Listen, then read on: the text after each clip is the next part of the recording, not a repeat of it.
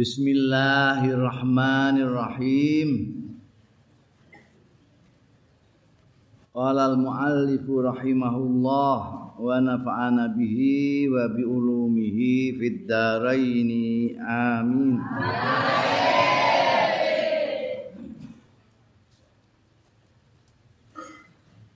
Wa mahma kharajal imam faqta'is salata wal kalam. Semongso-mongso wis metu sapa imamu imam untuk ngimami faktok mongko mutus sira as-salata ing sembayang. Sembayang sembayang sunat itu. Wal kalam lan omong-omongan. Terus lah apa? Wastaghil lan ketungkula sira bijawabil muadzini lawan jawabi muadzin kaya winginane kae Allahu Akbar kowe melok Allah Akbar. La ilaha illallah la ilaha illallah. No imam. Summa bistima'il khutbati mongko keri-keri kelawan ketungkul kelawan ngrungokake khutbah. Wal itti'adhi lan mengambil pelajaran biya kelawan khutbah dicermati diungokno tenanan khutbah itu isine apa? Wadak lan tinggalo sira al kalama ngomong-ngomongan roksan. Babar pisan. Sama sekali ndak omong belas gitu duduk aja ngomong. Fil khutbati ing dalem. Khutbahe khote pas khutbah kowe aja ngomong belas fa fil khabari mongko iku ing dalem hadis utawi anna mangkola setuhune wong kola kang ucap ya man li sahibihi maring kancane man jejerane wal imamu ale utai imam iku yaktubu lagi khutbah. Ngomongi ning gune kancane iku ansip rungokno. Khutbah. Wis mulai di kondo karang kancane rungokno. Ausah ausakun minar rawi. Rawi ini pokoknya kata-kata itu artinya diam. Tapi ragu-ragu apa ansit apa soh. Soh itu maknanya juga menengo menengo. Nek imam lagi khutbah aja ngomong ansit ausah fakot lago mongko sapaning wong sing ngomong ning gone kancane sedangkan imam sedang khutbah ngomong diamlah fakot lago mongko temen-temen logo ya man muspro Lah nek logo piye? Wa man lago mongko sedune wong sing logo Fala Jumat lahu mongko ora ana Jumat iku maujud lahu kedue man aili anna kaulahu krana setuhune ucapane man ansit iku kalamun termasuk geneman Nah, kancane ngomong terus dhewe. Layam bagi mongko prayoga apa ayan ha. Yen to nyegah ya wong ghairuhu ing liyane wong bil isyarati kelawan isyarah. Ya drijimu ae desok ning ngene tutuk aja ngomong mergo sing dilarang ku geneman la bil lafzi ora nek kelawan lafat neng cep sumak tadi mongko keri-keri ngetutno sira bil imami kelawan imam. Kama sabako kaya dene keterangan sing wis liwat ya mah Fa idza faraghta mongko tetkalane wis rampung sira wassalam talan salam sira. Faqra'il fatihah nek sembayang kowe mau kan adzan terus imame khutbah kowe ngunokno terus imame ngimami sembayang Jumat kowe ngetutno nek wis rampung wis salam faqra'il fatihah mongko maca sira al-fatihata ing fatihah qabla an tatakallama sadurunge yen to guneman sira. Assalamualaikum Assalamualaikum. Aja ngomong sik. Jangan mengurai kakimu dulu. Terus maca Fatihah sab amaratin itu piro-piro ambalan. Tujuh tujuh Fatihah wal ikhlas lan surat ikhlas sab'an. Lawan pitu juga pitu ngambalan wal muawwidzatain lan kulhu kul a'udzu birabbil falak pitu kul a'udzu birabbin nas sab'an sab'an. Pitu pitu. Ya. begitu selesai salam langsung aja geneman mek kancam musik langsung maca Fatihah sik ping 7 Ulhu ping 7 Ul a'udzu birabbil falak ping 7 Ul a'udzu birabbin nas ping 7 Padhalika mongko utahe mengkono-mengkono mau nek kowe gelem maca Fatihah ping 7 terus ngantek Ul a'udzu birabbin ping 7 mau yaksi muka ngrekso ya dalika kaing sira minal jumati saking jumat ilal jumatil ukhra maling jumat liyane kamu akan dijaga sejak jumat itu di mana kamu baca sampai jumat yang akan datang Nanti nek Jumat yang akan datang kamu baca lagi sampai Jumat yang akan datang. Nek kowe terus ajek maca iku kowe terjaga terus. Ngono. Wa yakunu lan ana apa dalik ana iku khirzan jagani laka marang sira minas syaitani saking setan. Kamu ndak gampang ditelukkan diganggu setan. Wa qul ba'da dzalika lan maca sira ba'da dzalika sakwise pateka sampai kul a'udzu birabbin nas pitu-pitu mau maca apa? Donga iki Allahumma. Ya ghaniyyu ya hamid. Ya mubdi'u ya mu'id. Ya rahimu ya wadud. Aghnini bi halalika an haramik wa bi ta'atika an maksiatik wa bi fadlika amman siwak.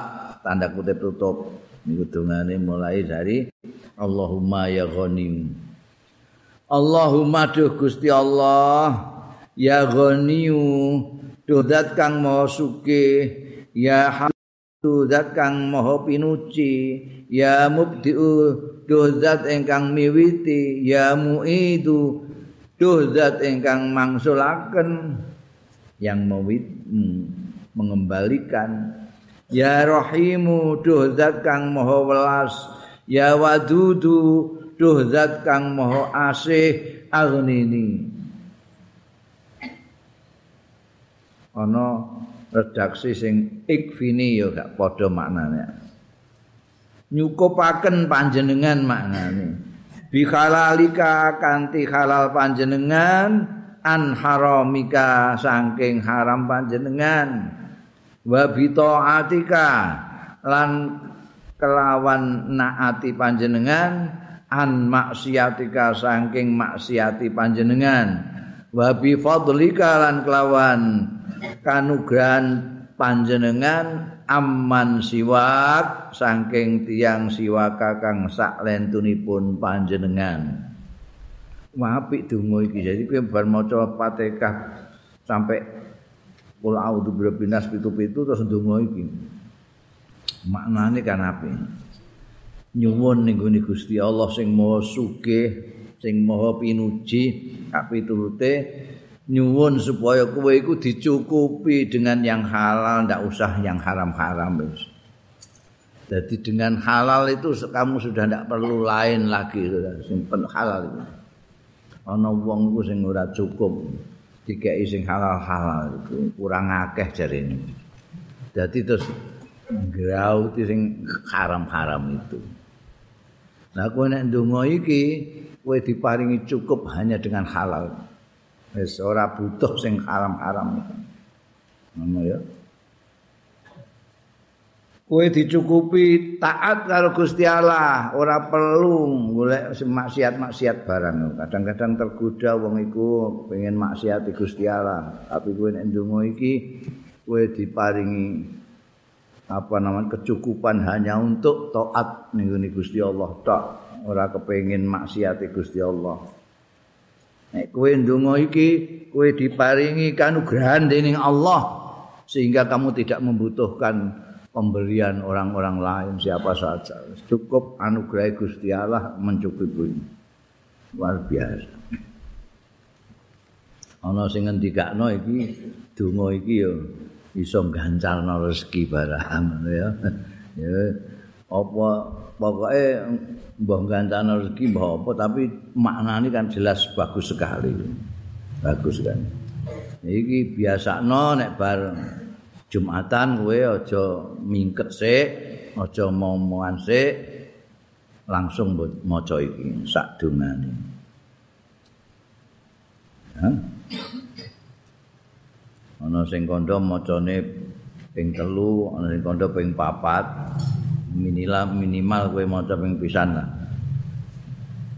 Ini kadang-kadang ana wong sing keluh kesah rezekine kok seret sak piturute jajal maca iki ya oh dicukupi ora wong kadang-kadang mergo rezekine cupet iku terus kepengin sing haram barang. Iki kok halal kok angel ngene rodok haram-haram sithik menawa kok kepenak.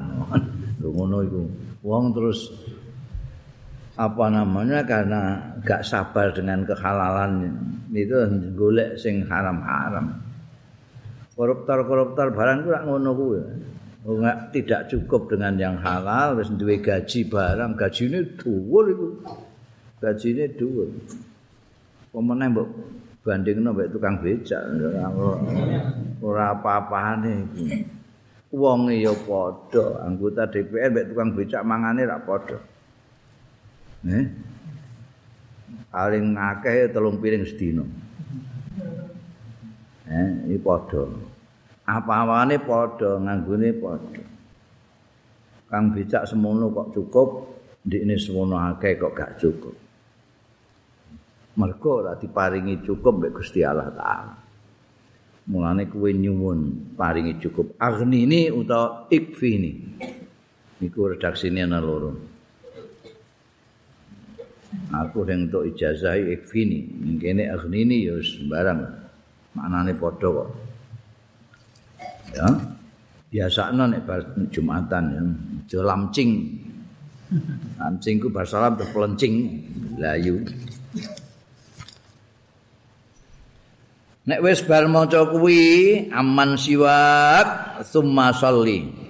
Mongko keri-keri salat sira ba'dal jumati sakwise jumat rakaataini eh rong rakaat. Bar maca donga mau kowe terus salat rong rakaat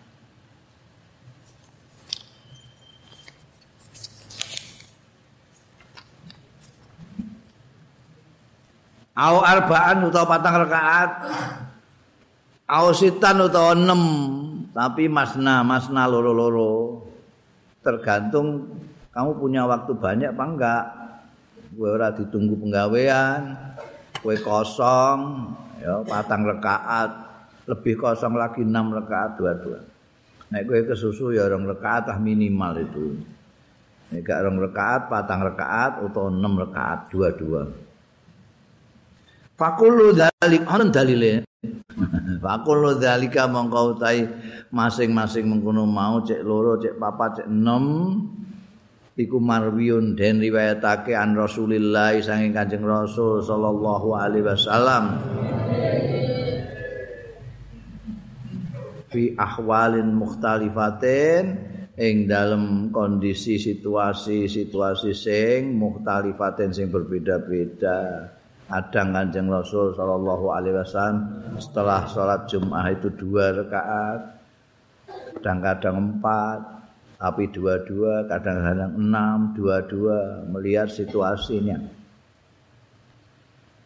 Enek wis bar Jumatan kowe terus lah apa? Lazimil masjid ilal maghrib. Engko kowe netepono sira al masjid ing masjid ilal maghribi temekane maghrib kowe ning kono ae aja mulai-mulai. Antek mare. Nih, so kaliren kowe. Au ilal asri lesan ora tekan maghrib ya ilal asri tekan asar. wa kun lan ana sira ana iku hasan muraqabah ya kondisi mulan kondisi kondisi ora duwe gawe apa-apa ya tengok-tengok ae ning masjid. Nah iso sampai maghrib nek ora ya paling ora sampai asar lah. Lan ana sira iku mbagusake nginjen-injen. Li saati syarifati marang saat sing mulya. Fa inna mongko stune as-sa'atu syarifah iku mubhamatun mubham tidak konkret gak jelas apa saiki pompo apa pas nalika Jumatan mau apa sak durunge khutbah munggah mau apa sakwise khutbah apa nalika khatib ning gone mimbar apa khatib wis mulai ngimami apa gak jelas. Apa bar sembayang iki mau rong rakaat iku gak jelas mubhama. Mulane kowe njen-njen terus ae sing bagus iki. Meneng sedelok omong masuk donga meneh ndelok supaya ngepasi nek kira-kira pas saat yang mulia itu saat yang mustajab donga iku. Ya. Fa innaha mubhamatun fi jami'il yaum. Ing dalam seluruh hari Jumat itu saatnya nggak jelas. Jadi kue kudu pinter-pinter, ah, niti-niti saat itu. Jangan ngantek, mbok ngguk sing ora-ora terlalu lama. Jagungan delok dungone terus eling-eling nek iki ana saat yang sangat istimewa. Pak Asaka mbok menawa-menawa sira antudrika yen to metu isira ing saat syarifah. Mau siapa tahu kamu menemukan itu. Jalukamu terus di kabulno pas kowe petuk karo as-saatu syarifah mau wa anta khale utayu sira iku khasyiun lake usuk ning lillahi marang Gusti Allah taala mutadzallilun DP ne DP DP mutadarriun tur ya DP DP delosor ning ngasane Allah kowe lagi ngono ngepasi saat kuwi wah sip ngono wae.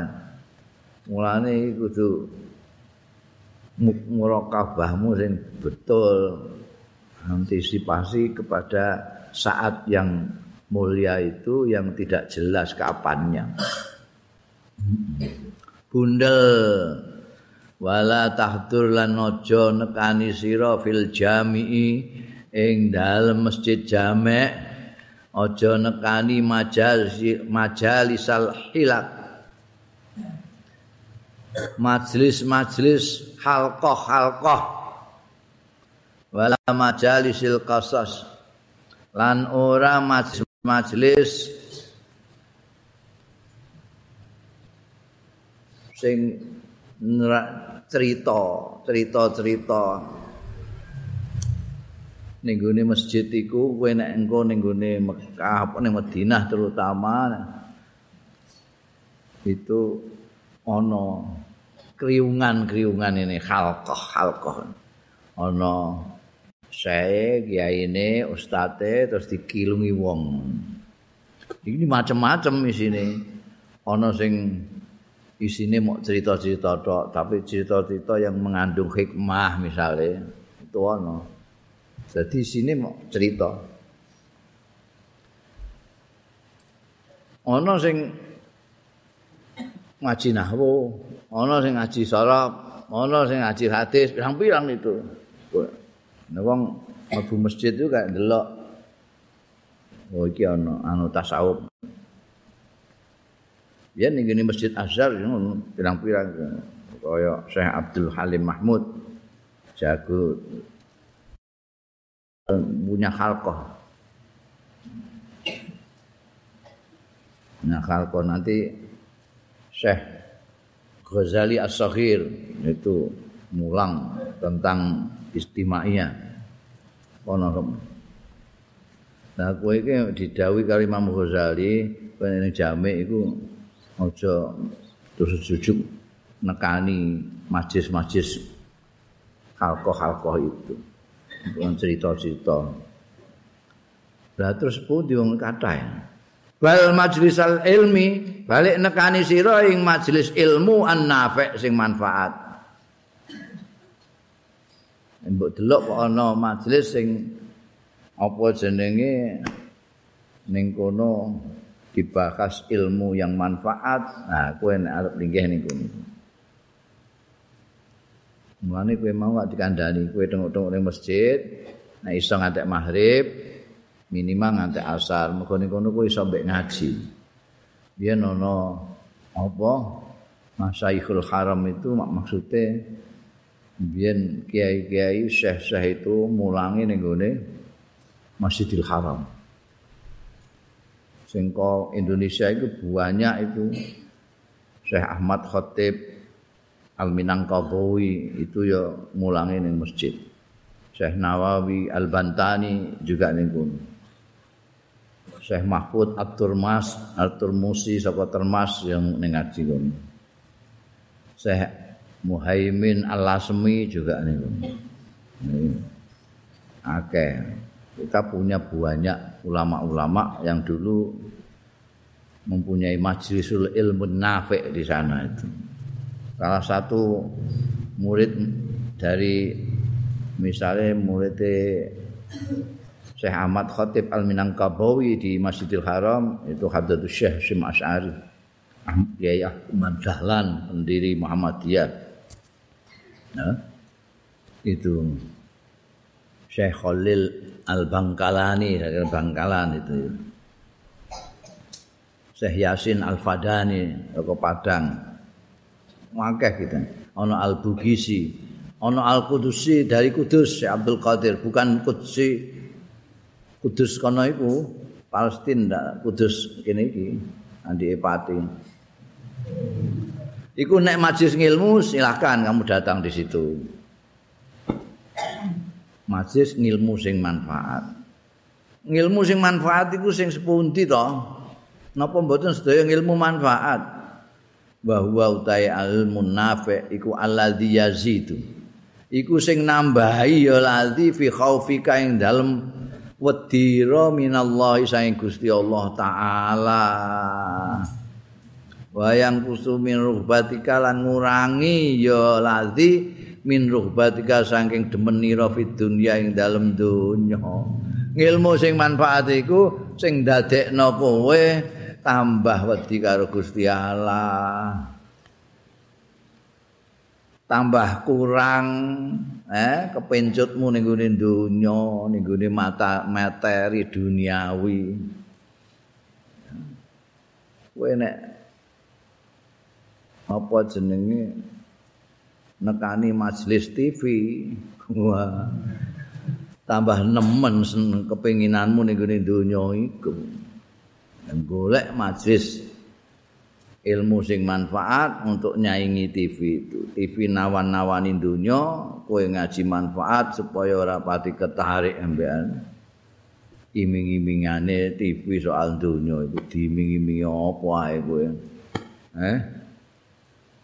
Pokoke dunya kabeh ngingi mulai sabun rai ngantek sabun kelek. Eh? eh. Masya Allah. Biyen santri ku sikatan paling nganggo deriji ngono ae nganggo bataden. Boto dideplok. Rodok modern terus nganggo sepet. Modern meneh terus nganggo sikat biasa saiki sudah ditawani terus sampean kapital-kapitalis itu. Supaya ini mayokno iku sikat digawe macam-macam, sikat lekuk dua, sikat lekuk tiga, sikat yang bisa mencari gudal sendiri.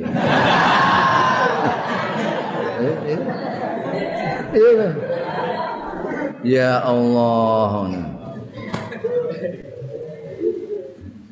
Kowe ditawani macam-macam. Macam. Odol iku odol, odol sing deletek, ana sing odol cair. Iki kabeh dunya. Padahal kowe ora nganggo iku ya gak apa-apa. Gak apa-apa. Nyukur jenggot ya ana dhewe. Padahal nganggo sabun ya kena, nganggo odol ya kena. Eh, odol mbok anu kan ya murah iku mbok nyukur jenggot. Ya ora usah nganggo konoan ya iso. Tapi ya iku wong golek dhuwit terus kowe kepencet. Nah iki golek ilmu manfaat sing kowe gak gampang tertarik. Fakulu ilmin utawi setiap ngilmu ilmu apa saja layat uka sing ora ngajak ya ngilmu ing sira minat dunya saking dunya ilal akhirati marang akhirat fal jahlu mongko utawi bodho iku awadul weh manfaat alaika ing atase sira minhu tinimbangane ilmu wes. Ngilmu sing ora ngajak kowe saka donya iki ning akhirat terus menerus ngejak kowe ning donya terus ngantek lali akhirat alung bodho. Wes bodho lah timbangane wong di cecer terus kon nyenengi dunya nyenengi dunya terus saya fasta'id billah. Mongko nyuwuna sira pangreksan billahi kelawan Gusti Allah min ilmin la yamfa ndonga auzubillahi min ilmin la yanfa. Gusti kula nyuwun pangreksan dhateng panjenengan min ilmin la yanfa. Saking ilmu sing boten manfaat. Supaya kowe nek entuk ilmu ilmune manfaat. Wis ora duwe ilmu lah anggere ilmu sing ora manfaat. Tapi nek ilmu manfaat kowe kudu njaluk nek Gusti Allah wa aksir ad-du'a lan ngekeh-ngekehno sira ad-du'a ing donga inda tulu isyamsi nalikane. Unggahing senging mletheke sengenge wa inda zawali lan nalikane lingsire sengenge wa indal ghurubi lan nalika surupe sengenge wa indal iqamati lan nalikane komat wa inda suudil khatibil mimbar. Lan nalika munggahe khatib al mimbar ing mimbar kanggo khutbah. Wa inda qiyamin nas analika bangkite ngadeke wong-wong ila salati marang sembayang. Payu siku mongko meh-meh antakuna yen to ana apa saatus sarifatu. Saat-saat sing mulya sing mustajab iku fi ba'di hadil awqat ing dalem sebagian iki-iki waktu. Yo mergo mubhamah waktu yang istimewa yang mulia pada hari Jumat itu tidak diberitahukan. Pada jam berapa menit ke berapa detik ke berapa maka kamu dianjurkan untuk sejak mulai meledak srengenge mulai meledak srengenge kowe terus ndonga.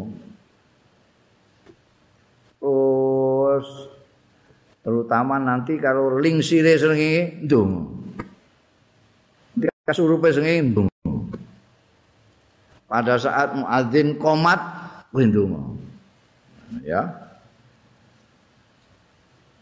Mergo ini saat-saat ini itu saat-saat mustajab.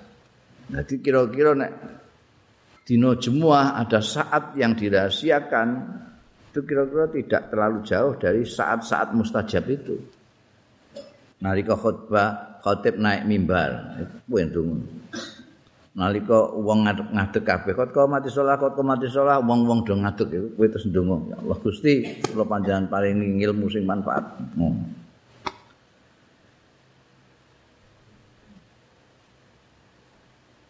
siapa tahu ayu siku antakuna saat syarifah fi ba'di hadhil awqat. Siapa tahu ngepasi saat yang syarifah itu.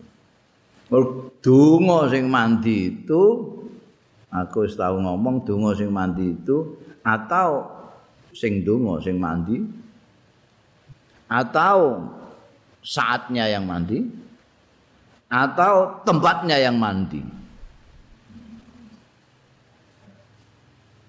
sing donga sing mandi iku ning dia itu endonga kapan saja ndonga mandi. Sapa iku? Wong sing resik atine ora duwe srei ora duwe dengki ora duwe benci ora duwe kibir sombong ora duwe angkuh ora duwe suudhonan ora wis pokoke resik lah wong sing resik iku ndonga ning diae mati ana sing panggonan kaya kowe engko nek ngaji utawa umrah ning Masjidil Haram, ning Multazam, ning Makam Ibrahim, ning Mas'a. Ana sing waktune. Iki sing ngendikane sing waktu-waktu sing ngendikane. Pas lengsere sengenge, pas surupe, pas komat, pas khotib munggah mimbar, pas wong-wong padha ngadeg arep sembahyang.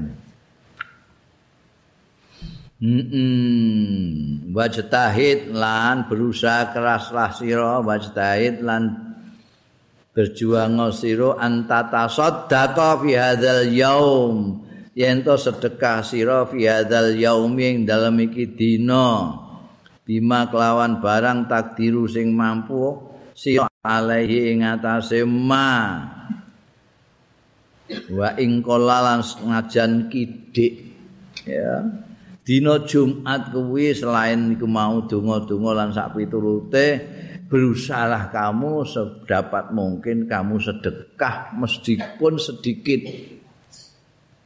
Piro ae lah kowe pamane duwe duwe 10.000 mbok sedekahno 1000 iku wis berapa persennya itu hmm?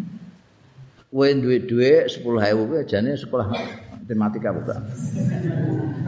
Kowe duwe dhuwit 10.000, mbok sedekahno 1.000. Itu berapa berapa persen itu? 10 persen. Itu akeh. Jadi rasa 1.500 ngono 5 persen. Ya, ngungkuli bayarane maklar. Nol. Mergo sedekah itu infak itu tidak dilihat jumlahnya. Tapi presentasinya dari pemilikanmu. Kowe duwe dhuwit 10.000 kok sedekah 1000 wakil 10% itu. Ngungkuli aku, duitku jutaan. Mau sedekah 10.000, 20.000. mau bilang gak ana sak persen. Ngono ya. Lah iki usahno nek dina Jumat khusus dina Jumat itu kowe usahno sedekah senajan sedikit. Tak mampumu lah dik. Golek wong sing kira-kira pantes mbok sedekahi tur pantes mbok sedekahi semono iku. Ngono ana wong sing mbok kae 1000 terus mencep ngono. Kang kang sedekah sewu bangun. Iki untuk rokok saler. Wa ingkalla.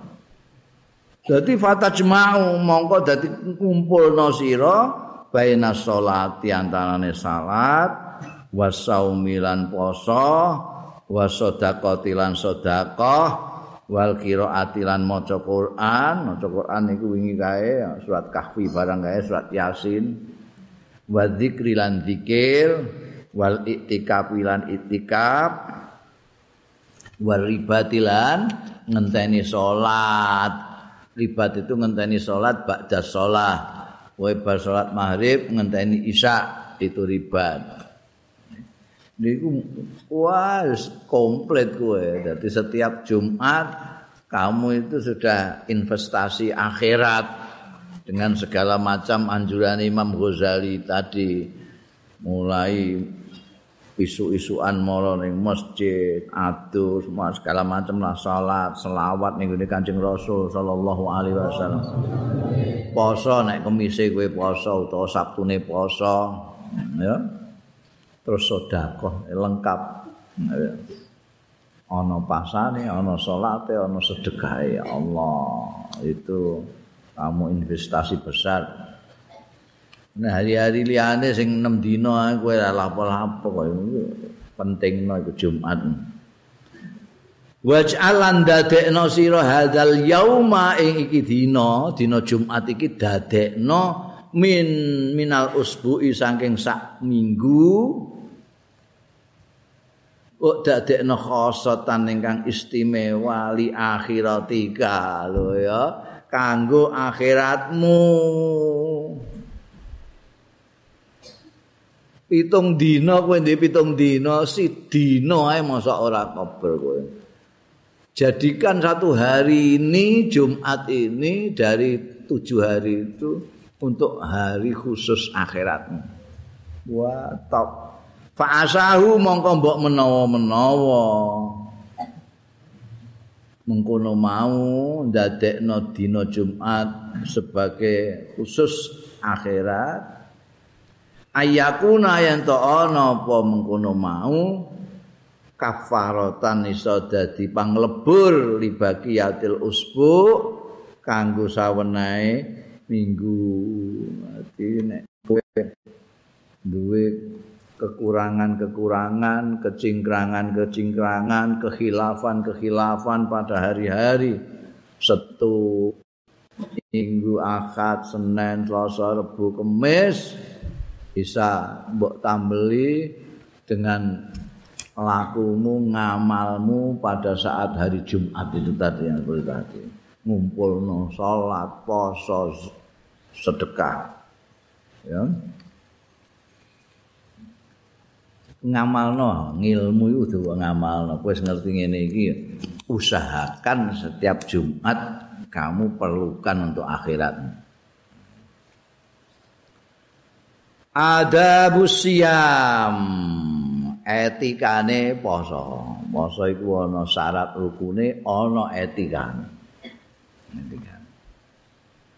Ada busiami utai tata kramane poso layam bagi ora prayoga apa antak tasira ala saumi syahri ramadan.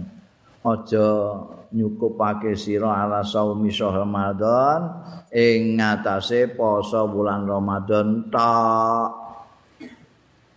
Nek kowe mau membatasi diri hanya poso ramadan tok fatatul tijarah mongko ninggal sira at-tijarata ing perdaganganmu binawafili kelawan kesunatan-kesunatan. Wa kasbat darajatil aliyah lan golek derajat-derajat sing luhur. Fil faradisi ing dalem swarga-swarga firdaus patata hasar mongko patata hasar mongko menyesal sira Ida nazarta tatkalane ningali sira ila manazil saimin. Maring kedudukan-kedudukane wong-wong sing poso. Kama tanzuru ilal kawakibid durriyah kaya kaya ento ningali sira ilal kawakibid durriyah maring bintang-bintang ujora.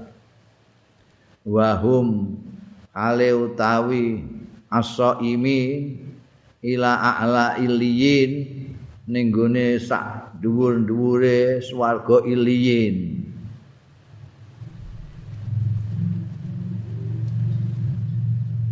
Kowe mok trima sembayang apa poso Ramadan ning minggu ini bulan Ramadan tok bariku wis ora tau poso. Senin Kamis ya ora, poso Sawal ya ora, poso Rejab ya ora. Wae Ramadan tok. Iki kok rugi. Kowe kok menyesal bareng ning kono roh sing ahli poso iku wah kok ngono ya panggonane ya Allah megah sekali Allah kamu melihat bintang yang mencorong nah aku mbok ngono aku poso juga Senin Kamis kaya wong iku ya Allah. Dhuwur ngono ya Dik.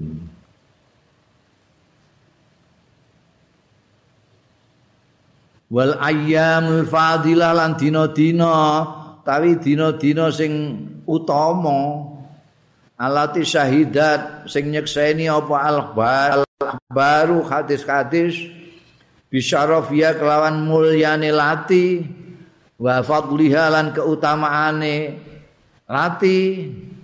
Wa bijazalati thawabi lan kelawan agunge ganjarane fi siyamiha ing dalem masane lati. Iku yaum arafah dina-dina sing utama kanggo mbok pasani sesuai persaksiane hadis-hadis banyak iku pertama yaum arafah dina arafah ketika orang-orang haji pada ngumpul di arafah itu di tanggal songo Dzulhijjah apik poso tapi li ghairil hajj liyane sing haji, sing haji ora sunatno poso. Kowe sing ora haji iku dianjurno untuk poso yaum Arafah. Amal loro wa yaum Asyura lan dina Asyura.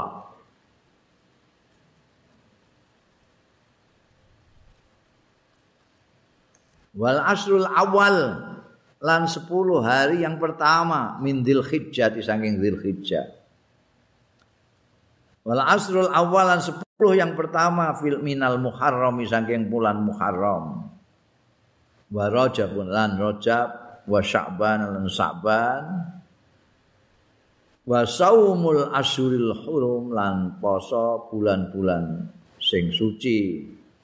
Minal fadhaili. Wa saumul asyuril hurumi iku minal fadhaili termasuk keutamaan-keutamaan.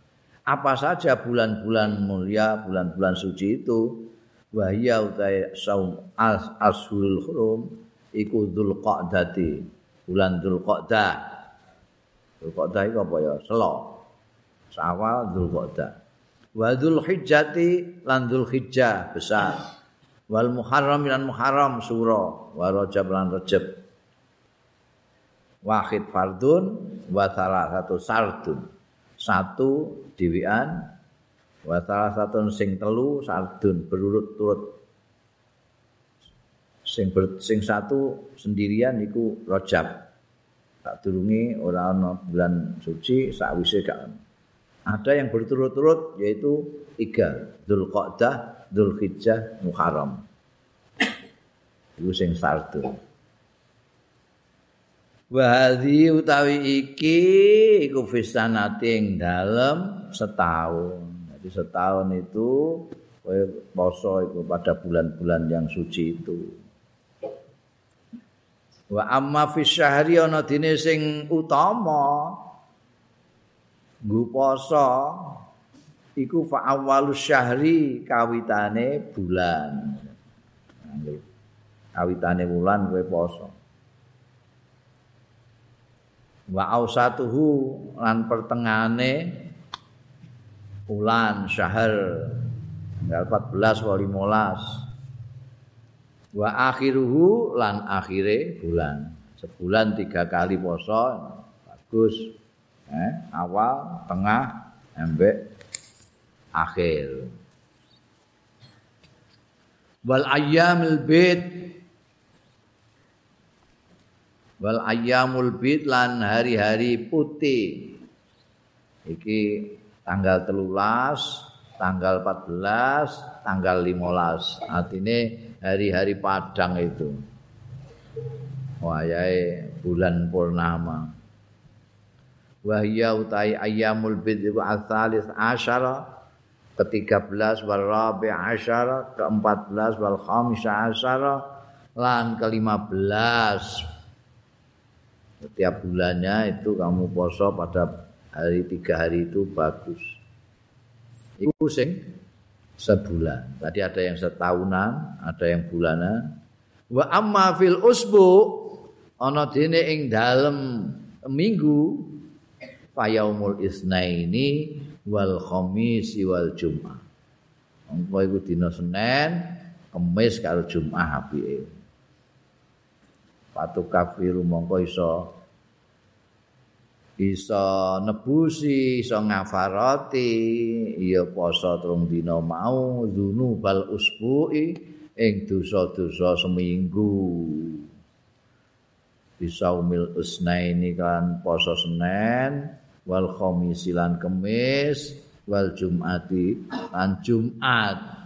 Wa tukaffiru dzunuba syahri lan iso ngafarati nglebur ngambeli zunu basyahri yang dosa-dosane sebulan bil yaumil awal minas syahri kelawan poso ninggune hari pertama minas syahri saking bulan itu wal yaumil ausatilan hari pertengahan dari bulan itu wal yaumil akhirilan dino akhir bulan itu wal ayyamul bid lan hari-hari putih yang mau tanggal telulas, 14, 15 mau.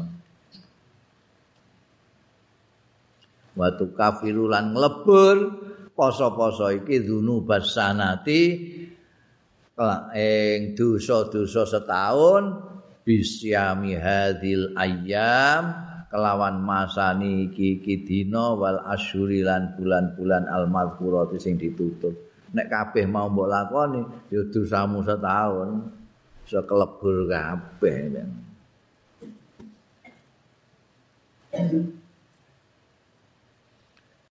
La tadunnu lan aja nyono sira ida sumta nalikane poso sira nek kowe poso aja ngira annas sauma setuhune poso wa ya saum iku tarkut to'ami tinggal mangan tok Eh?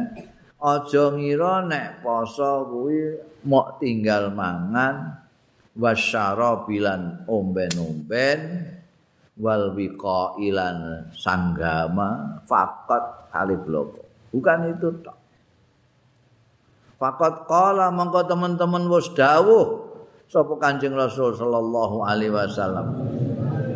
Kam min saimin laisa lahu min siyamihi illal ju wal atas. Oh. Pira ae min saimin wong sing poso laisa lahu ora ana lahu keduwe saim min siyamihi saing pasane saim illal ju. Apa illal ju kejaba lesu wal atasulan ngorong. Ya.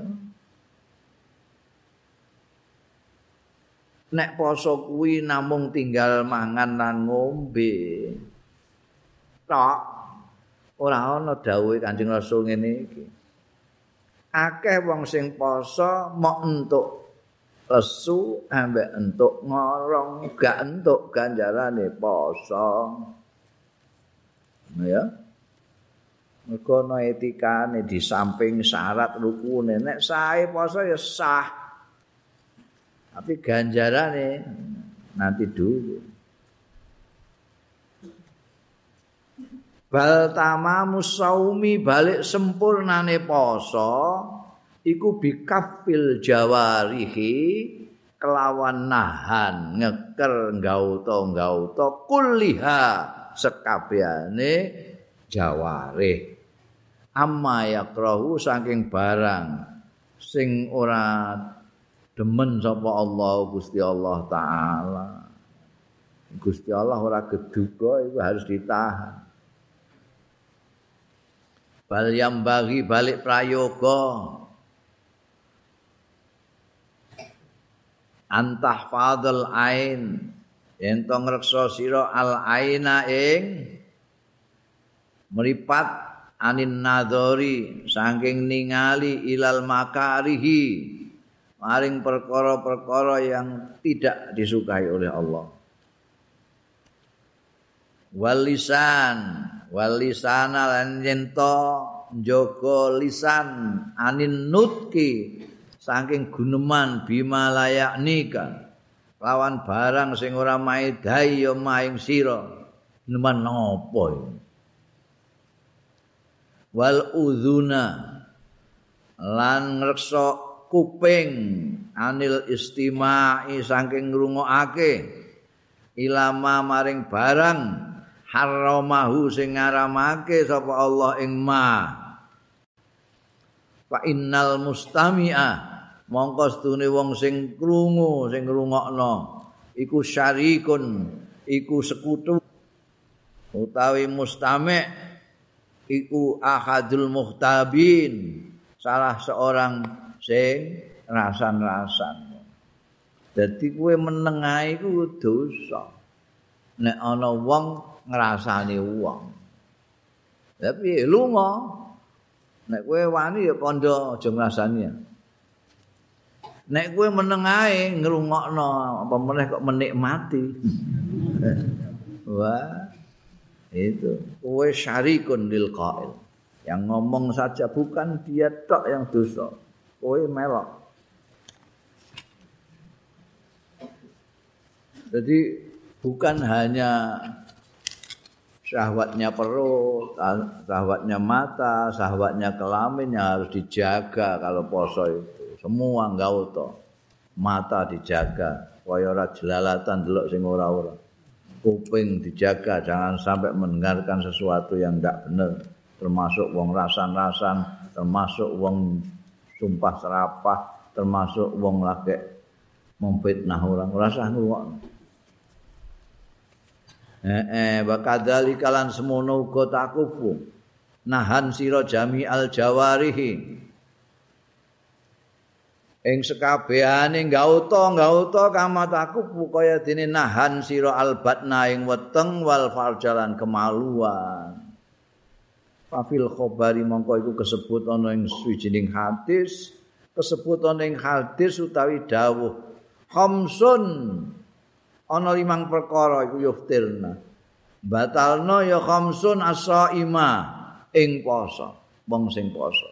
Ada lima. Lima hal yang membuat poso itu badal.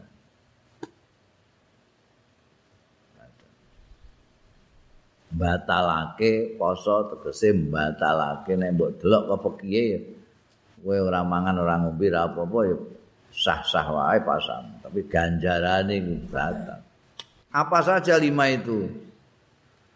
Al-kidz utawa al-kadzibu goroh. Ngomong goroh udah. Wal ghibatu lan gosip ngrasani wong. Wan namimatu lan adu-adu. Adu-adu termasuk nggawe meme mbok desok ning gone anu upaya wong tukaran itu namimah jenenge adu-adu. Wal yaminul kadzibatu lan sumpah goro wan nadzaru lan ningali bisyahwatin kelawan syahwat delok wong cek delok gambar syahwat itu badarno ganjarane wong poso lima hal. Mulane terus ana dawuh Kanjeng Rasul apa jenenge? Kamin saimin laisa lahu illal ju wal atas wa qala lan dawuh sapa kanjeng rasul sallallahu alaihi wasallam innamas saumu junnah. Sak temene poso iku junnatun merupakan tameng. Sing jaga dirimu itu junah tameng fa idza kana ahadukum mongko tetkalane ana sapa ahadukum salah siji ro kabeh ana iku so iman poso palayar pus mongko aja geneman elek.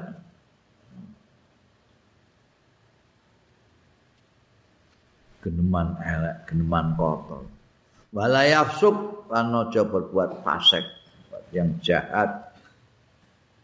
Wala yajhal lan aja berbuat bodoh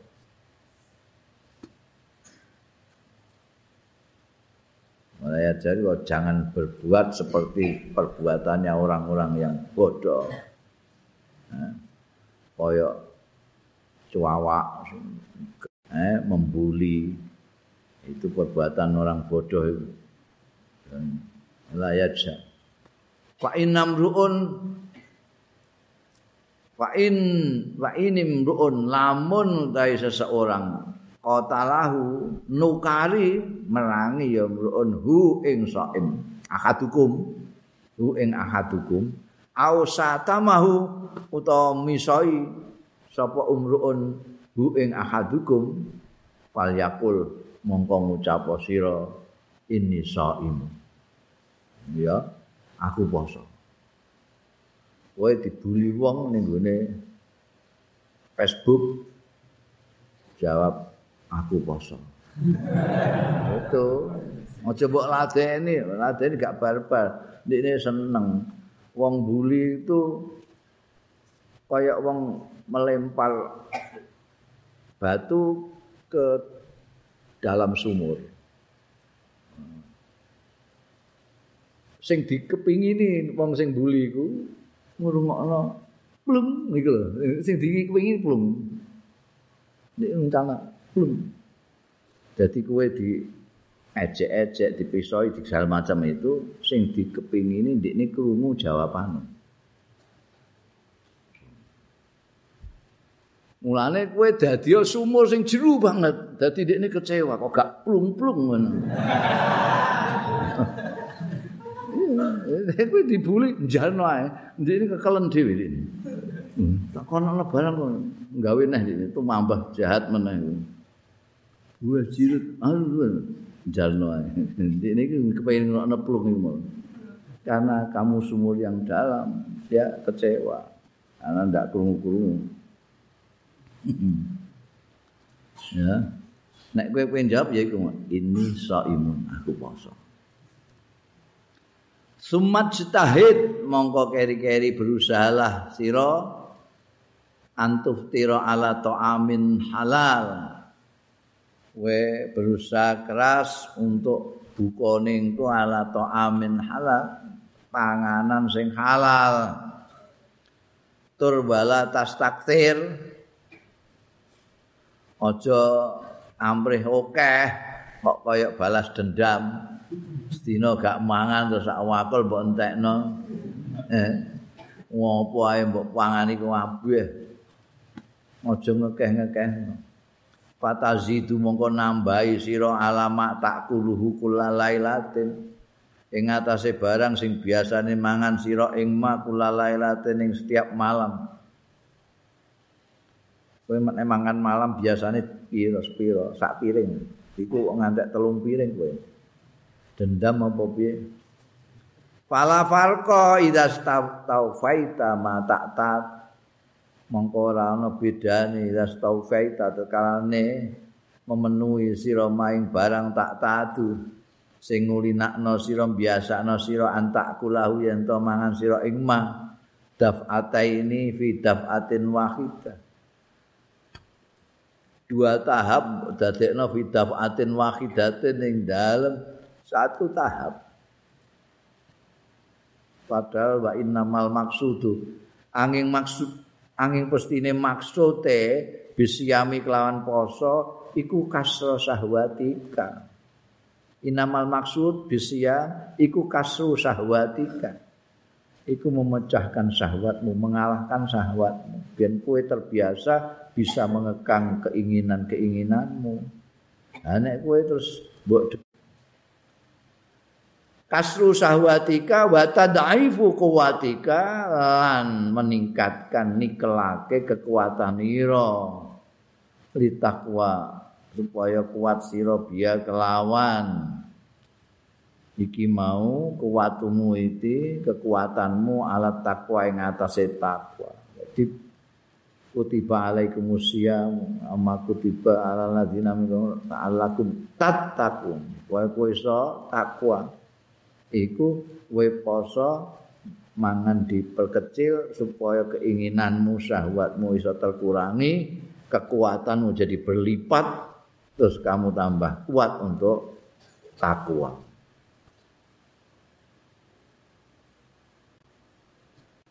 Pak Ida akal ta'asyatan Mongko tetkalani mangan sirasiatan waktu bengi Mangan maing barang tadarab ta Sing nututi sirobi kelawan ma. Fatakab maing barang fataka sing ngepoti ing sira dahwatan ing dalem wektu awan. Pala faidata mongko ora ana faedah iku maujud fi saumika ing dalem poso ira. Eh? Nek kowe terus maksud mangan bengi iku kanggo nambeli pakanan apa? Ora manganmu di awan mau ya. Lha apa poso bareng Waqat sakulat alaika ma'iddatuka di samping itu nek kowe mangan mung kakean terus kabotan. Waqat sakulat. Teman-teman abot alaika yang ngatas sira apa ma'iddatuka wetengmu? Mangan ngantek gak iso ngadeg iku wa ma bi'aun abghadu ilallah. Ra ana wadah abghadu ingkang luwih di dukani luwih dibentu ilallah marang Gusti Allah taala min batnin. Tinimbangane saking weteng maliin sing kebak min halale saking halal. Wadah sing paling ora disenengi Gusti Allah iku ora ana sing ngungkuli kaya wadah sing jenenge weteng endiku madai kowebek pakanan-pakanan sing halal. Pakai fa idza muli amin haramin.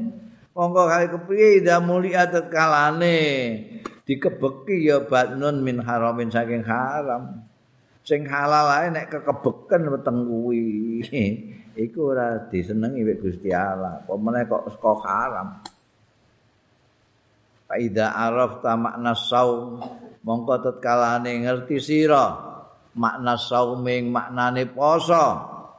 Pas taksir mongko ngekeh-ngekehno sira mindu saking poso mas ta sak mampu ira. Ya dapat mungkin kamu banyak-banyak puasa. Senin Kemis poso Syawal tak piturute fa innahu asasul ibadah. Mongko setuhune poso. Iku asasul ibadati. Itu pondasine ibadah-ibadah. Wa miftahul kurubati. Lan kuncine kurubat. Marek-marek ning gone Gusti Allah kuncine poso. Kala dawuh sapa Rasulullah sallallahu alaihi wasallam. Anjing Rasul ngendika kala Allah taala iki hadis qudsi Yo Kanjeng Nabi Muhammad sallallahu alaihi wasallam dawuhake dawuhe Gusti Allah.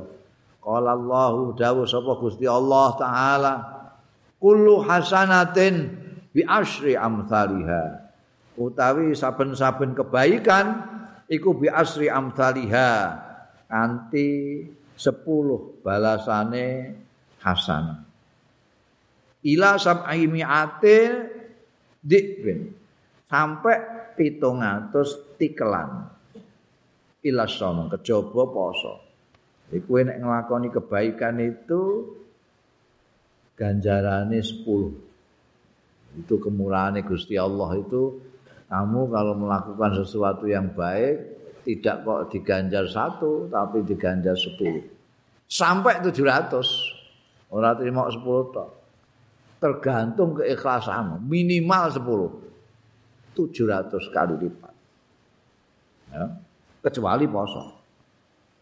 Dan nek poso pinten? Dawe Allah fa innahu li. Fa innahu monggo sedune poso iku li kagungan ingsun. Wa ana azzi bihi. Anu ingsun iku azzi itu males apa ingsun. Bihi lawan sebab poso mau. Gusti Allah sendiri. Artinya ndak pakai aturan. Aturane sing baku, wong sing ngamal apik iku diganjar 10 sampai dengan 700 lipat. Tapi nek poso di luar itu. Nah Allah sendiri yang akan membalasnya. Gusti Allah sing balas ya Masya Allah balas sendiri. Tidak pakai aturan gitu. Allah sak kersane sing punya ganjaran Gusti Allah. Wa qala lan dawuh sapa Kanjeng Rasul sallallahu alaihi wasallam. Walladzi nafsi biadihi demi zat kang utawi jiwa ingsun iku biadi ana ing astane lati. La khulufu famis saimi. Yakti utawi gandane ababe cangkeme wong sing poso cangkeme wong sing poso iku atiabu luwih wangi ndallahi munggu ing Gusti Allah taala min rihil miski timbangane gandane misik. Misik itu di apa populer sebagai parfum yang paling wangi misik itu. Terutama anggone wong Arab-Arab itu misik itu kasturi wong sing mulutnya nganggur lama itu kan bau. Kita menganggap baunya rai-rai. Wabah apa ya apa masyaallah bermangan tikus kopi kan? Tapi nek mungguing Gusti Allah, abape wong sing poso iku lebih wangi daripada misik.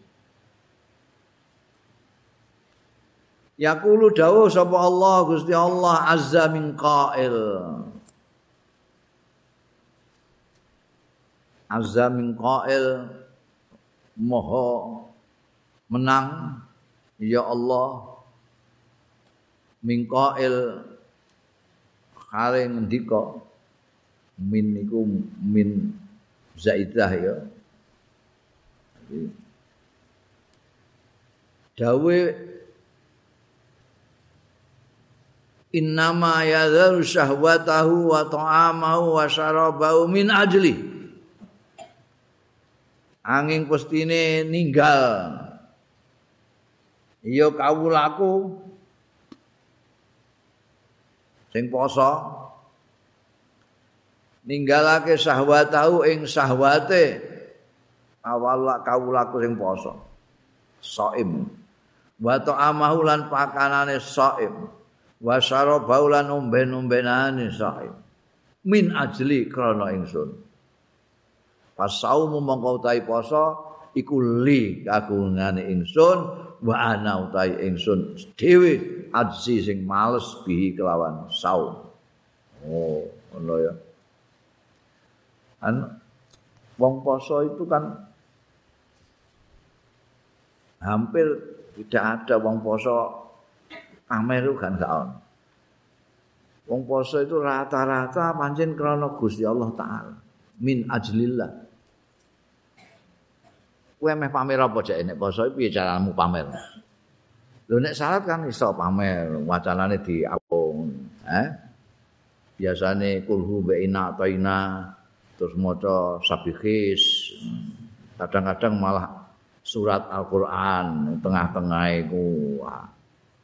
Iso ngono kuwi mbok pamer-pamer ngono-ngono. Nek poso jek kowe pamer piye? Apa ida itu ngono? Malah dilarani cacingan kowe. Jadi ra iso. Poso iku gak kena mbok pamer. Lah nek kowe pamer ya rugi wong wis lesu ngorong kok pamer, gak untuk ganjaran. Jadi umumnya wong poso iku mesti li ajlillah. Nah poso iku mulane Gusti Allah dhewe ora nganggo aturan iku mau aturan baku nek ngamal apik 10 sampai 700 mau. Khusus Gusti Allah memberikan pahala sendiri. Kau umumnya wong poso itu ora ono. Pamrih liyane Gusti Allah. Kecuali sing bocah-bocah cilik sing di bang-bang karo wong tuane. Poso aja ya. Ngenek ngatek dhuwur 1000. nanti asar 2000 nanti maghrib 3000 cung iku mungkin bocah iku tapi nek sing tua-tua ora ora duwe pamrih liyane kecuali ganjarane Gusti Allah Wa qala lan dawuh sapa Kanjeng Rasul sallallahu alaihi wasallam lil jannati iku keduwe babun utawi lawang layak khulu sing ora melbu ing bab la babun lawang yukalu sing diucapake lahu sing dijenengi lahu keduwe bab apa arroyan?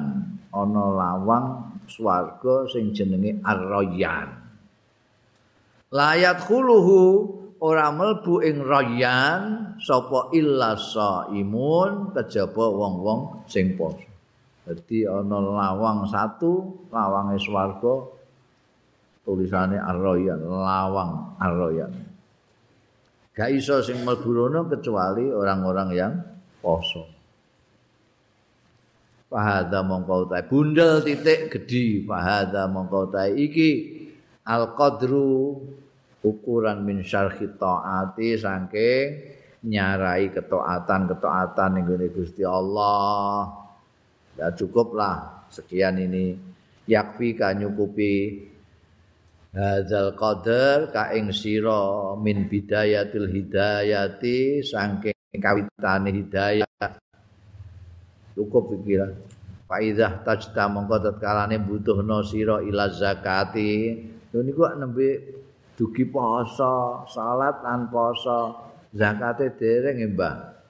Nek kowe butuhno ila zakati, haji nggih dereng, wal haji lan haji au al au ma ila mazidin utawa tambahan li sarhi salati wasiam anggo tambahan keterangane salat lan poso fatlubhu mongko golek sira ing masjid mau mimma saking barang aurat nahu sing nekake sapa ingsun ing ma fi kitabina ing dalam kitabku ihya ulumuddin jadi eh nek kowe iki kurang eh isih kurangen keterangane Imam Ghazali tentang salat lan poso bahkan sing durung diterangno tentang zakat lan haji silahkan lihat sendiri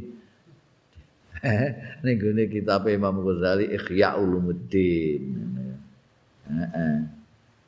Wong pasanan kok nerangno kabeh ora ora katam-katam. Iki wis kono golek dhewe ning Ikhya Ulumuddin ya.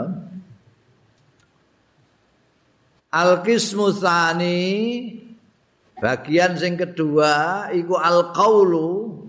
Wingi kan ana taat ana sing iki sing kaul kedua pembicaraan yang kedua fistina bil maasi ingat dingendikakno takwa iku imtithalul awamir wajtinabul maasi nglakoni perintah-perintah atau sering disebut taat terus ngedoi larangan-larang larangane Gusti Allah biasa disebut ijtinabul ma'asi. Nah sekarang ini bagian yang kedua nerangno tentang menghindari piro-piro maksiat. Iklam ngerti sira anna lidini sedune iku keduwe agama ini ana dua bagian. Agama ini ada dua bagian. Ahaduhuma utai salah sijine satrain tarkul manahi iku tinggal pira-pira larangan wal akharu bagian yang lain fi'lut taati nindakake ketaatan-ketaatan di sini loro iku agama iku takwa ya iku ninggalake larangan-larangane Gusti Allah naati perintah-perintah Gusti Allah dua itu. Watarkul manahi utawi tinggal pira-pira larangan huwa ya tarkul manahi iku al asaddu sing luwih berat. Nek dibandingna dua bagian itu mana yang lebih berat? Taat apa menghindari larangan? Menghindari larangan yang lebih berat. ya wal asad kenapa kok begitu fa inna ta'ati mongko setuhune ketaatan-ketaatan melaksanakan perintah. Yak diru mampu alaiha ing atase taat sapa kulo ahadin saben-saben wong. Nek wong iku umume bisa melakukan perintah. Wong perintahe Gusti Allah taala ini ndak ada yang berat kok. Apa jae sing berat syahadat ora ana berat ya asyhadu alla ilaha illallah wa asyhadu anna muhammadar rasulullah. Wis ngono tok apa? Salat. Salat berat. Salat mau. Ora ana 5 menit berat ora berat enteng. Nek kepengin ngecek entenge sembayang kok umpama sembayang iku kena diburuh no umpamane. Eh sapa sing gelem nyalati dhuwurku 20000 ora oyo-oyo anu do antri saking enteng hmm. poso poso tambah enteng neh ora lapo-lapo Nek ora poso lak dadak muluk barang, ngliwet barang, masak barang iki ora lapo-lapo glundung-glundung ngono ae. Keturun ya. Dari annaumu ibadatun turu. Enak. Zakat, zakat, zakat itu ya tambah enak aneh sing ora duwe. Ora zakat kok. Zakat itu ora kanggo sing duwe tok. Sing ora duwe malah tampa zakat kok. Kaji, kaji kok sing mampu tok, sing gak mampu gak apa. Gak gak usah kaji wong gak mampu. Moro ning masjid Demak ngono. Ya. Terus semua perintah itu diembel-embeli manis tato. Ya. Ya amartukum bi amrin fa'tu minhu mastata'tum. Dawuh Kanjeng Rasul sallallahu alaihi wasallam. Nah aku merintahno ning kamu sekalian sesuatu perintah laksanakan semampu. Ini sing makna enteng gak iki. Mergo Allah juga berfirman, "Ittaqullaha mastata'tum." Takwalah semampumu. Jadi enteng, taat itu setiap orang bisa melakukannya. Ya, tiru. Kula mboten sakit napa-napa terus. Eh. Sakit kula mau patekah tok ndak sakit sembayang kula. Lho piye? Sembayangku ya mau patekah tok iku. Wacanane mau patekah tok patekah tok aku wis kandha ora durung iso patekah iku lho kasil salat iku. Misane mau Allah Akbar tok. Mergo krungu-krungu wong demo muni Allah Akbar Allah Akbar. Jadi mau insya Allah Akbar kula nembe sakit Allah Akbar napa sakit salat? Isa. Allahu Akbar. Allahu Akbar. Allahu Akbar ping 7 Allahu Akbar. Dadi. Kula mboten sakit ngadep linggih. Kula ndelok ning masjid-masjid wae sing sembahyang linggih. Lu gak kuat ngadep. Tak bisa. No. Mas tatok tuh sing makna enteng Mas tatok. Jadi setiap orang mampu melaksanakan apa yang diperintahkan oleh Tuhan. Apa neh goleki lah perintah-perintah agama. Ora ora ana sing abot, ora ana sing abot. Nek ana sing abot kondo karo aku. Kau sing abot. Kadang-kadang wong itu rumangsane berat. Mergo ora paham. Ana sing ora salat mergo diarani berat salat iku. Kaji rumangsane berat.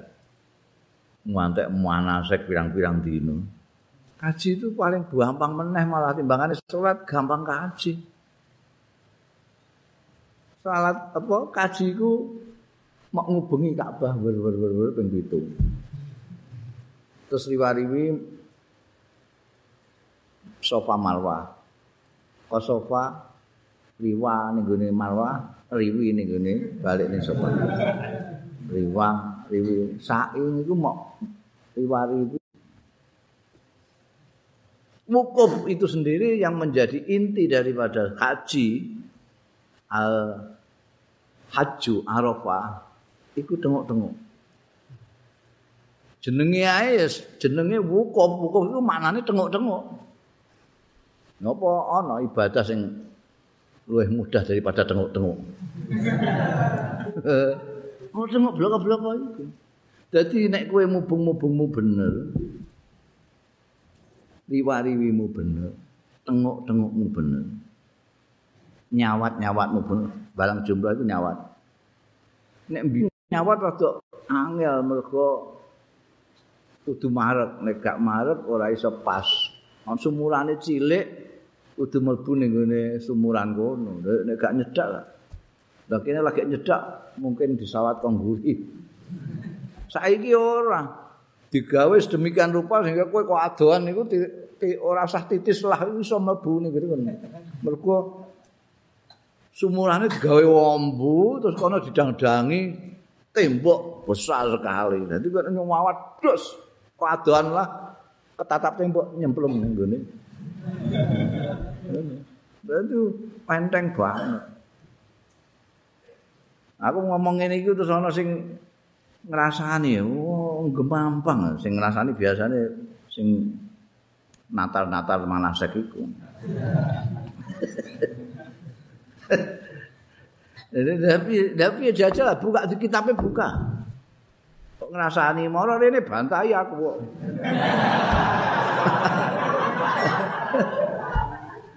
Wong kaji itu ibadah amaliyah.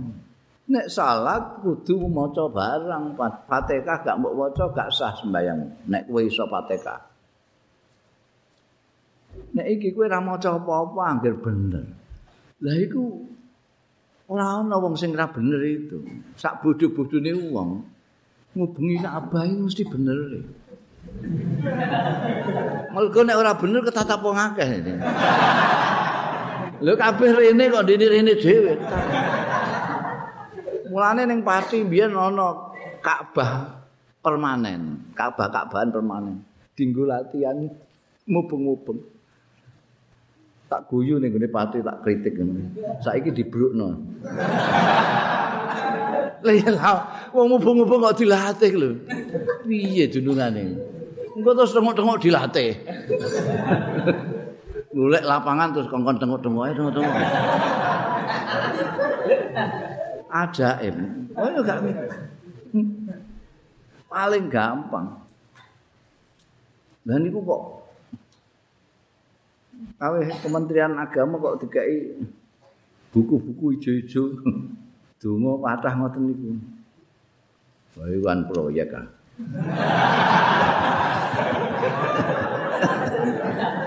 Gue donga donga sak donga-dongamu ya ora apa-apa wong iku sing penting. Kowe senajan dongamu mumbluk murah tapi kowe sak enakmu dhewe tok mubeng. Wis ora sah malah. Iki sing penting mubengmu bener riwariwimu bener tengok-tengokmu bener nyawat-nyawatmu bener. Wis cukup. Mulane justru ditatar itu wong kating do strem apa sepaneng kaji ku sepaneng wah kok angel ora dadi metu didhawedi ngono. Nek cara aku nek natal wong arep kaji sing ditatara sing luwih akeh iku piye carane nguyuh ning pesawat terbang. Pesawat terbang bukake piye, nutupe piye, nguyuhe ning ndi, cewoke piye. Wah, iku pesawat-pesawat Garuda anu barang ku do komplain. Do wadul mbek aku, Allah receh sedaya niki. Ilmu ya itu sanggon-gon mana pusing kabeh. Soale ora ditatar. Malah mubung-mubung sing ditatar terus. Munggah lip barang iku ditatar. Kadang-kadang ana sing langsung kondisi iku terus langsung ning bandara terus numpak pesawat kok. Ora tahu apa latihan munggah lift bareng kan ora tau. Langsung ning kono. Terus ana gegeran mbek bojone. Endi kopre dhewe endi? Mbok tak sok lemari kene kok terus ilang.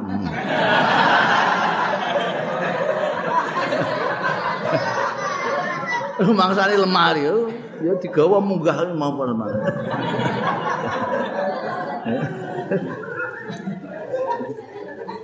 Ya iku sing penting ngono iku. Engko adus. Lah biasa ning desane adus ya terus ning gone kali ya. Eh ning kono ndang adus ning ngarepe wong akeh mintal-mintul. Ya itu yang kudu di tatarke. Nek ibadah haji iku wong mulai ini dari Hajar Aswad. Hmm. Gampang. Apa nih saiki haji wis. Gampang. malah ana sing guwamping tur kepinu ibadah itu apa eh, turu mbek bojo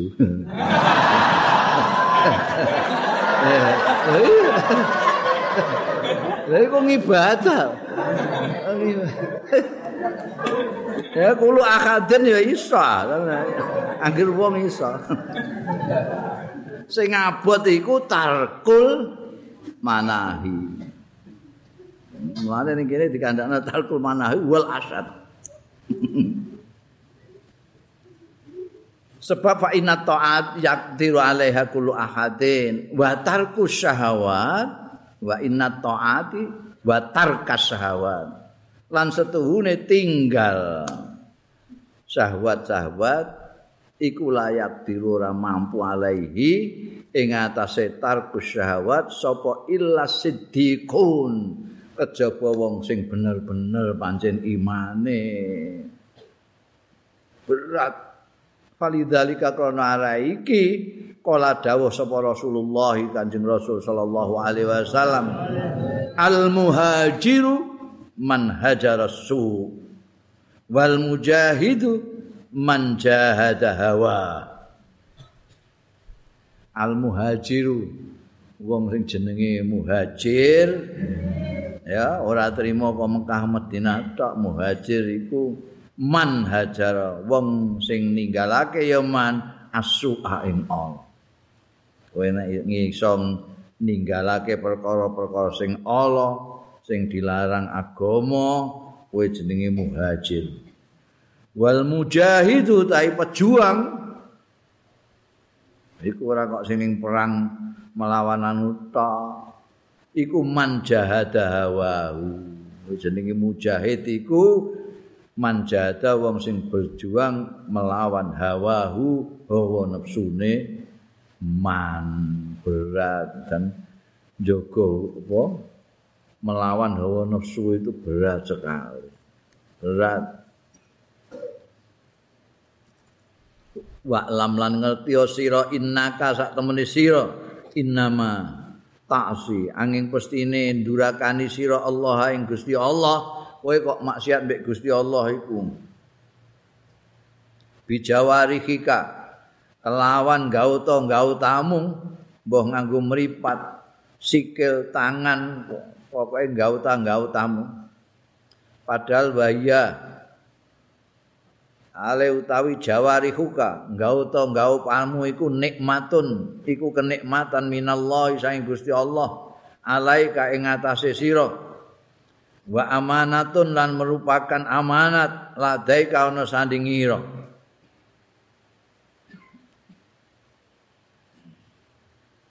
pas tianatu kamangka utahe anggon nira. Gawe bantu amrih bantuan binikmatillahi kelawan nikmate Gusti Allah. Amrih bantu ala maksiat. Ing atase maksiat iku ghayatul kufran. Iku puncak katok-katoke.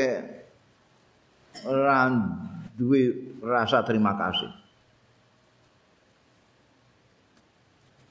Wa khiyanatuka utawi khianatmu fi amanatin ing dalem amanat istaudaka hal sing nitipake ka ing sira ha ing amanah sapa Allah taala Gusti Allah taala iku ghayatut tughyan iku katok-katoke lacut jahat sing nemen tenan. Kowe nek maksiat iku duraka karo Gusti Allah iku sing mbok duraka nggauta-ngautamu meripat dilarang jelalatan kowe jelalatan. Tangan mestine dinggo sing apik-apik mbok nggo sing ora-ora. Mbok nggo nabok wong mbok nggo gawe hoak. Iku paringane Gusti Allah. Sikil paringi sikil kowe mlaku ning gone panggonan-panggonan sing ora genah. Pokoke kabeh. Padahal enggak utuh enggak utuh semua itu nikmat paringane Gusti Allah taala. Kowe iso ndelok macem-macem iku mergo entuk diparingi nikmat Gusti Allah. Meripat peninggal iso lihat hijau daun merahnya bunga eh? birunya langit. Sampai turut kenikmatan. Diparingi gauto-gauto itu di samping kenikmatan dari Allah Ta'ala itu merupakan amanat dari Gusti Allah Ta'ala diamanat. Lah nek terus mbok nggo maksiat, mbok nggo nglawan Gusti Allah. Iku kan jenenge kowe iki betul-betul enggak jelas tenan. Banget anggonmu ora duwe terima kasih dikai apik-apik kok malah mbok nggo nglawan sing paring ku piye? Dikai amanat embek sing paring sing nitipake amanat kok mbok cedrani ora mbok nggo sing sak mestine iku betul-betul kowe iku banget lacute Fa'dhauka mongko utawi gauta gautamu gauta gauta ira iku rakyaka iku rakyat-rakyatmu gauta kowe sing ngongkon tangan ngeplak tangan statusan tangan segala macam itu kowe tangan rakyat sikil rakyat. Karena kamu yang berkuasa atas gauta-gautamu fandur mongko ningalono sira kaifa taraha? Kepriye memperhatikan sira ha ing raayaka? Fakulukum ra'in mongko tai setiap kalian setiap sira kabeh iku ra'in itu orang yang penggembala. Wa kullukum mutai saben-saben sira kabeh iku mas'ulun. Iku dimintai pertanggungjawaban an ra'iyati saking gembalahane kulurae semua eh? pemimpin itu bertanggung jawab nanti akan dimintai pertanggungjawaban atas kepemimpinannya. Mbok pimpin piye mbok sejahterakan apa mbok pliloro ya. Kowe semono uga anggota-anggota badanmu itu merupakan rakyat-rakyatmu kamu yang menjadi pemimpinnya kamu yang jadi penguasanya kamu nanti yang dimintai pertanggungjawaban mengenai rakyatmu eh, tanganmu gak mau cegah nalika arep ngutil iku ya eh? Manu mripatmu gak mbok cegah nalika mendulu nyawang sing ora-ora. Iku, iku nanti dimintai pertanggungjawaban. Wong iku rakyat. Wa lam lan ngerti sira anna jami'a a'dhaika setuhune sekabehane gauta-gauta ira satashhadu alaika. Bakal nyekseni ya jami'u a'dhaika alaika ing atase sira.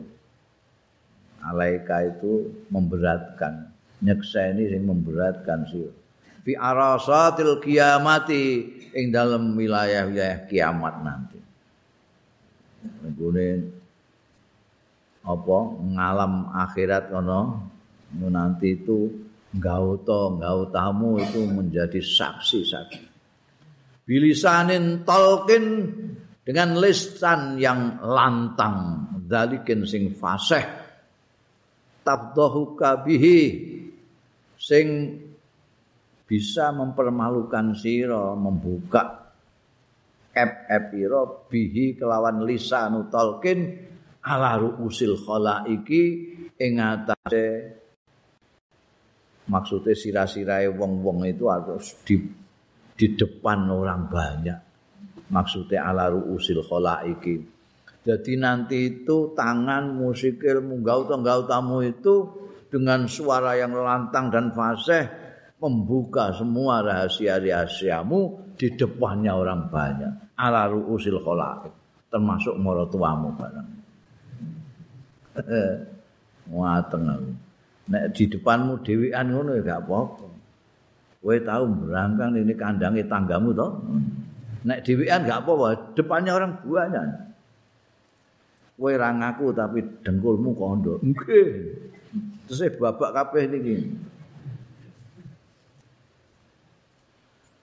Qala Allah Ta'ala dawuh sapa Gusti Allah Ta'ala yauma tasyhadu 'alaihim alsinatuhum wa aydihim wa arjuluhum wa arjuluhum bima kanu ya'malun yauma tasyhadu ana ing dinane nyekseni alaihim ing atase wong-wong kuwi apa alsinatuhum lesan-lesane?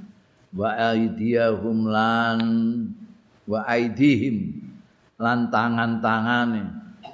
Wong-wong kuwi wa arjuluhum lan sikil-sikile wong-wong kuwi bima kanu lawan barang kanu kang ana biyen wong-wong kuwi yak malu.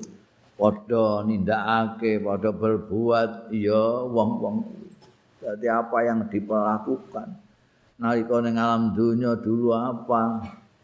Dia diam saja tapi semuanya akan memberi kesaksian tangan nggih.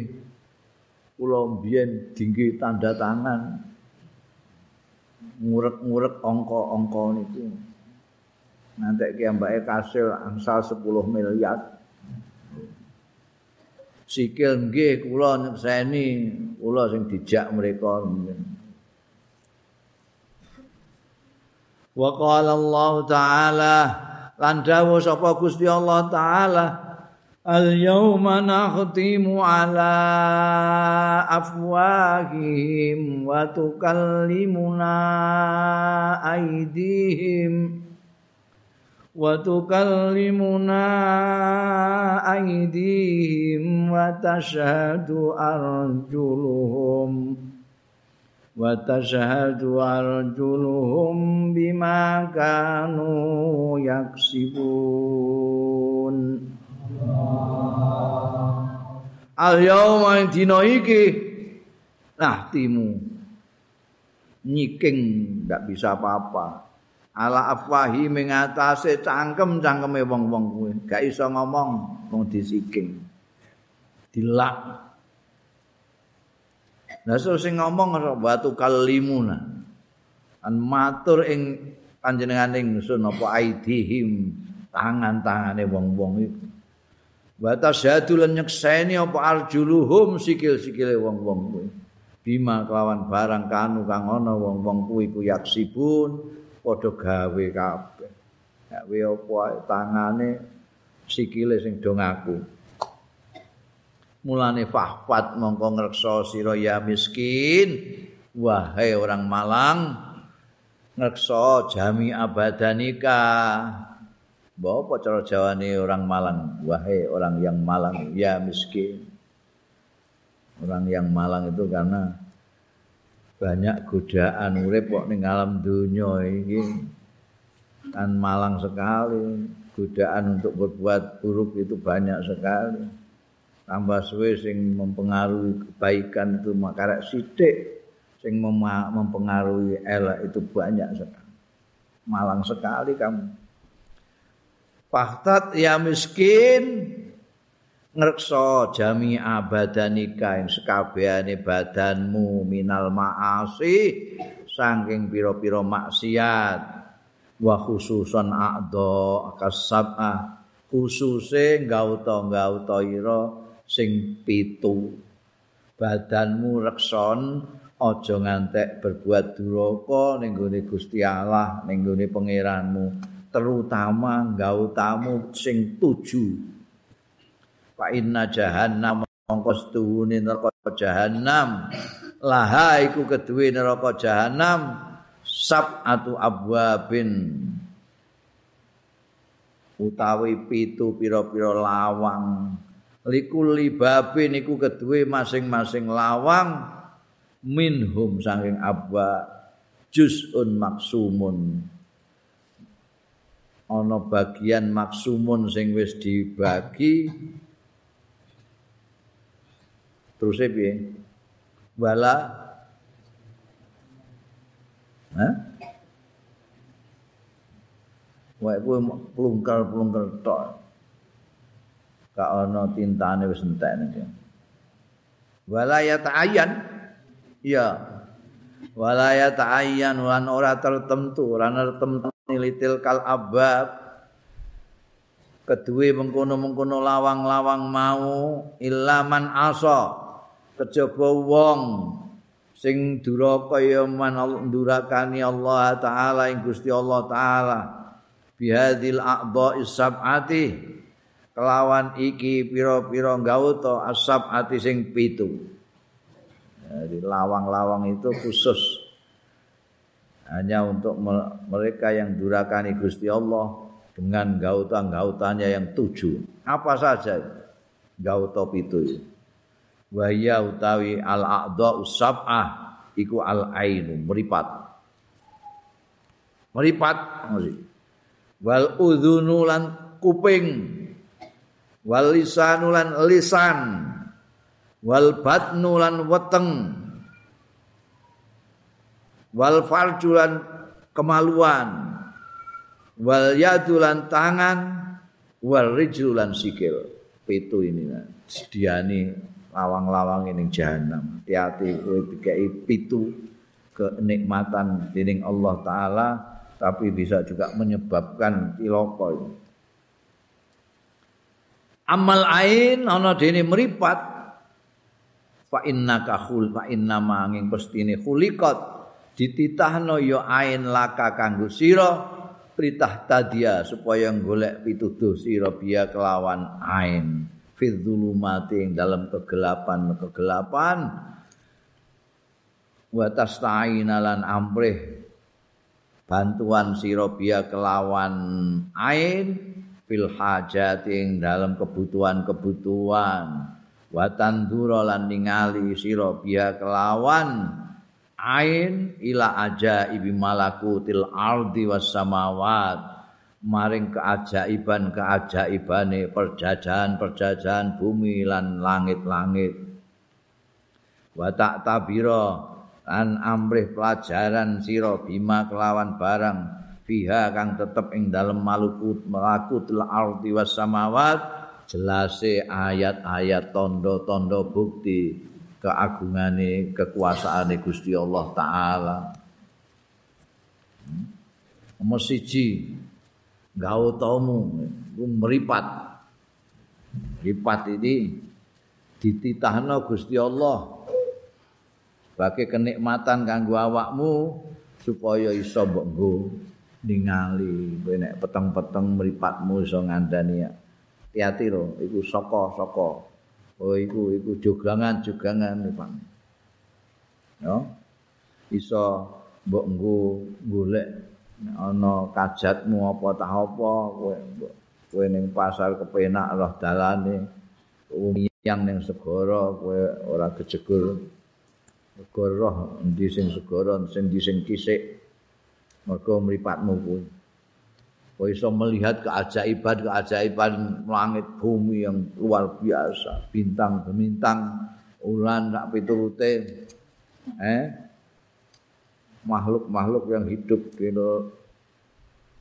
udara sampai di bawah permukaan bumi segala macam. Wah, segala macam. Kamu bisa lihat semua. Maraknya bunga-bunga, tumbuh-tumbuhan, gunung yang menjulang segala macam kamu bisa saksikan semua itu. Dan kamu bisa mengambil pelajaran dari sana alangkah hebatnya Gusti Allah, kuasanya Gusti Allah menciptakan gunung setinggi itu, menciptakan laut yang seluas itu, menciptakan bunga yang seindah itu, menciptakan suara-suara burung yang semerdu itu. Bisa ngambil pelajaran dari semua itu. Mulane fahfadha. Mongko jaga sira ing ain, mripatmu jaga an arba'in saking papat awas dengan empat ini meripatmu itu harus jaga sing awas an arba'in saking papat apa ae papat iku sing harus kamu jaga meripatmu kuwi? Pertama jaga antandura biha yen to ningali sira biha kanthi ain ila ghairi mahramin. Maring sing liyane mahrammu ora mahrammu mbok pendeliki ngantekan ripatmu mondol ngono kuwi. Harus mbok jaga wae iku dudu mahram merem. Au ila suratin malihatin utawa gambar sing manis. Gambare sapa sing manis iku? Sowang sawang terus. Mbok templekno ning kamar. Mesam mesem.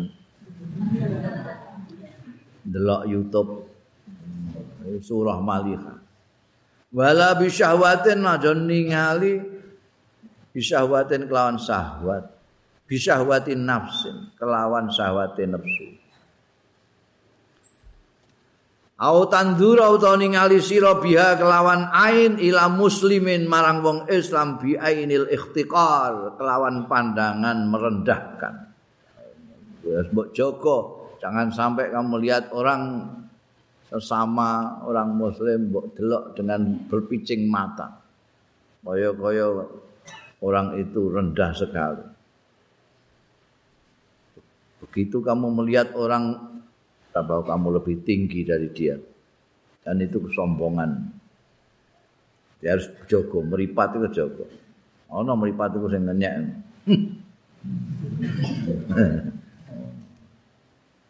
au tatallu en biha ila aibi muslimin utawa golek-golek biha kelawan ain mau ala aibi muslimin ing atase cacate wong Islam mbok ngumandang secara ngenyek merendahkan orang juga jangan mbok goleki epe wong apa meneh? Penggawean kok goleki cacate wong salahe wong kula apa? Mbok kuntit kaya mata-mata kaya intelijen golek iya lah tenan to ngono. Mbok andar-andar nambah wong mbok potret barang ngono itu piye meripat mbok ngono kuwi tak taluk biya ala aibi muslim. Kaya-kaya kowe randi app dhewe iku meripat. Jaga dari itu. Wa amal udhun. Ana dene kuping fahfadhu. Fahfadha mongko ngreksa sira ing udhun. An antusgia saking yen to ngrungokno sira ngrungokno dengan tenanan itu isra memperhatikan dia kelawan udhun ilal bid'ati marang bid'ah. Wong ngomong-ngomong bid'ah barang iku wis alah rasa mbok rungokno. Awil ghaibati utawa rasan-rasan upingmu jaga aja ngantek melok ngrungokno wong rasan-rasan begitu ana wong rasan-rasan tinggal lunga ning ndi Kang bet ngising.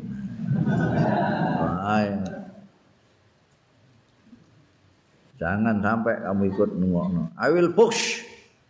Utawa omong kotor. Ana wong ngomong kemprah-kemprah barang ngono iku rasa mbok rungokno. Kowe malah seneng guyang guyu terus kowe mbok saingi. Mbok critane sing luwih kotor meneh. Awil khaut utawa nyemplung fil bil batile dalam kebatilan sesuatu yang tidak ada gunanya. ngobrol kanca ngrungokno wong ngobrol ngrungokno wong gedobos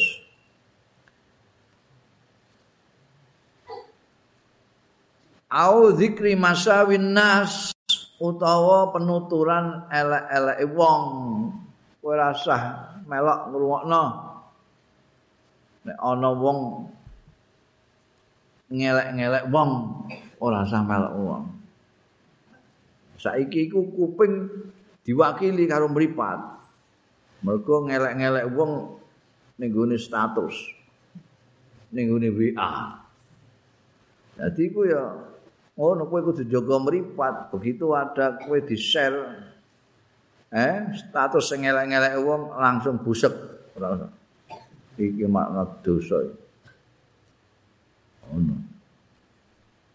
Ora kok malah kok bagi neh ning ngene wong liya-liyane ya.